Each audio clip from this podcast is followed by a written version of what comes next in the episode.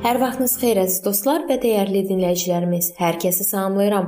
Mənim adım Sona və sizi Allahla 5 dəqiqə adlı podkastımızda xoş gördüm. Bu gün mən sizinlə əbədi həyatı bərk tutmaqla bağlı mövzusunu araşdırmağa davam edirəm. Əbədi həyatdan bərk tutmaq üçün gənclik ehtiraslarından, cinsi əxlaqsızlıqdan, bütpərəstlikdən qaçmalıyıq. 1-ci Timoteyə 6-cı fəsil 6-cı ayədən 11-ci ayəyə qədər xəbərdarlıq səslənir. Var dövlətdən və gümüş hərisliyindən qaçmağa, bunun əvəzinə isə əlimizdə olanla kifayətlənib mömin olmağa çağırış edilir. Şeytan bizi müxtəlif üsullarla yoldan çıxarmaq istəyir. Həmçinin maddiyyatla. Bircə məqsəd var: bizi Allaha həqiqi itayətdən kənara çəkmək.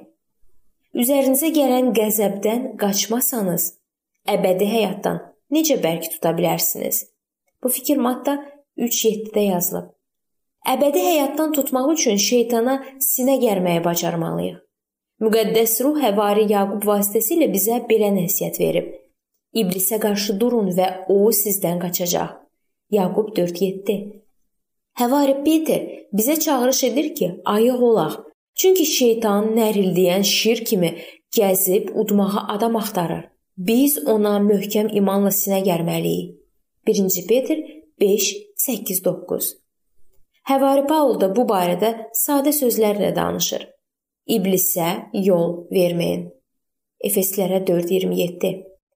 Əbədi həyatdan tutmaq üçün Həvari Paul Timoteyə dediyi kimi iman uğrunda yaxşı mübarizə aparmalıyıq.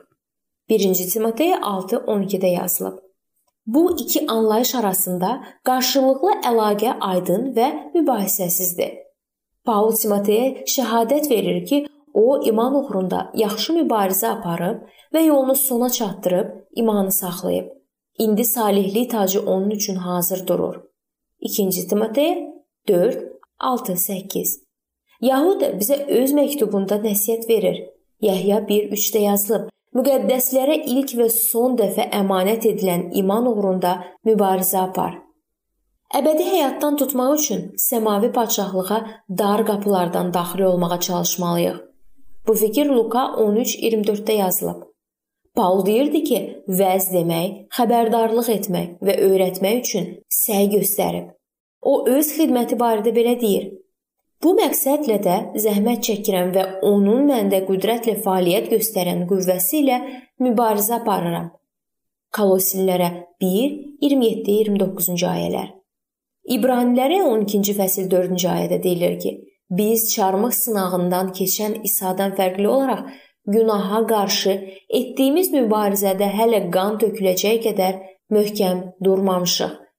Lakin bu günaha qarşı mübarizə aparmağa borcluyuq. Əks halda mütləq günaha uduzacağıq və əbədi həyatı itirəcəyik. Əbədi həyatdan tutmaq üçün özümüzdən imtina etməli, öz çarmıxımızı götürməli və gündəlik olaraq İsa Məsihin ardınca getməliyik. Biz Məsih və müjdə yolunda öz həyatımızı itirməliyik ki, son nəticədə xilas olanlar sırasında yer tutaq. Biz yer üzündə qərib və gəlmə kimi yaşayırıq və bədənin pis əməllərini ruhun vasitəsilə öldürürük. Əbədi həyatdan tutmaq üçün biz səylə müqəddəs kitabı araşdırmalı və onun dediyinə riayət etməliyik. Bu fikir Yahya 5:39-da və Yaqub 2:10-da yazılıb. Allahın kəlamında xilası necə əldə etməyin və sonacan saxlamağın yolu öyrədilir. Yaqub 4:17-də deyilir: Deməli, kimsə bir yaxşı işi görməli olduğunu bilib onu etmirsə, günah edir. Biz bəzən də etdiyimiz hərəkətlərə görə hesabat verəcəyik. Budur, tezliklə gəlirəm. Verəcəyim mükafat mənimlədir və hər kəsə öz əməlinə görə əvəz verəcəyəm. Və kitabı 22-ci fəsil 12-ci ayə.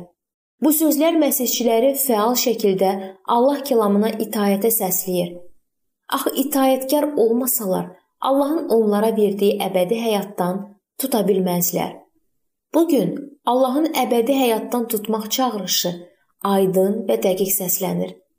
Həmçinin rədd edəcəyi təqdirdə insanı cənginə keçirəcək nəticələri də aydın və anlaşılandır. Qoy bu sözlər əziz dostlar əbədi həyatdan daha bərk tutmaq üçün sizi ruhlandırsın.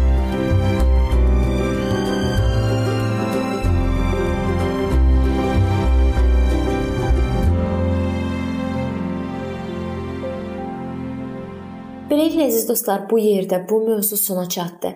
Hər zaman olduğu kimi sizi dəvət edirəm ki, bizim podkastlarımızı Facebook səhifəmizdən və YouTube kanalımızdan dinləməyə davam eləyəsiniz. İndi isə mən sizinlə sağollaşıram və növbəti görüşlərdə görmək ümidi ilə sağ olun, salamat qalın.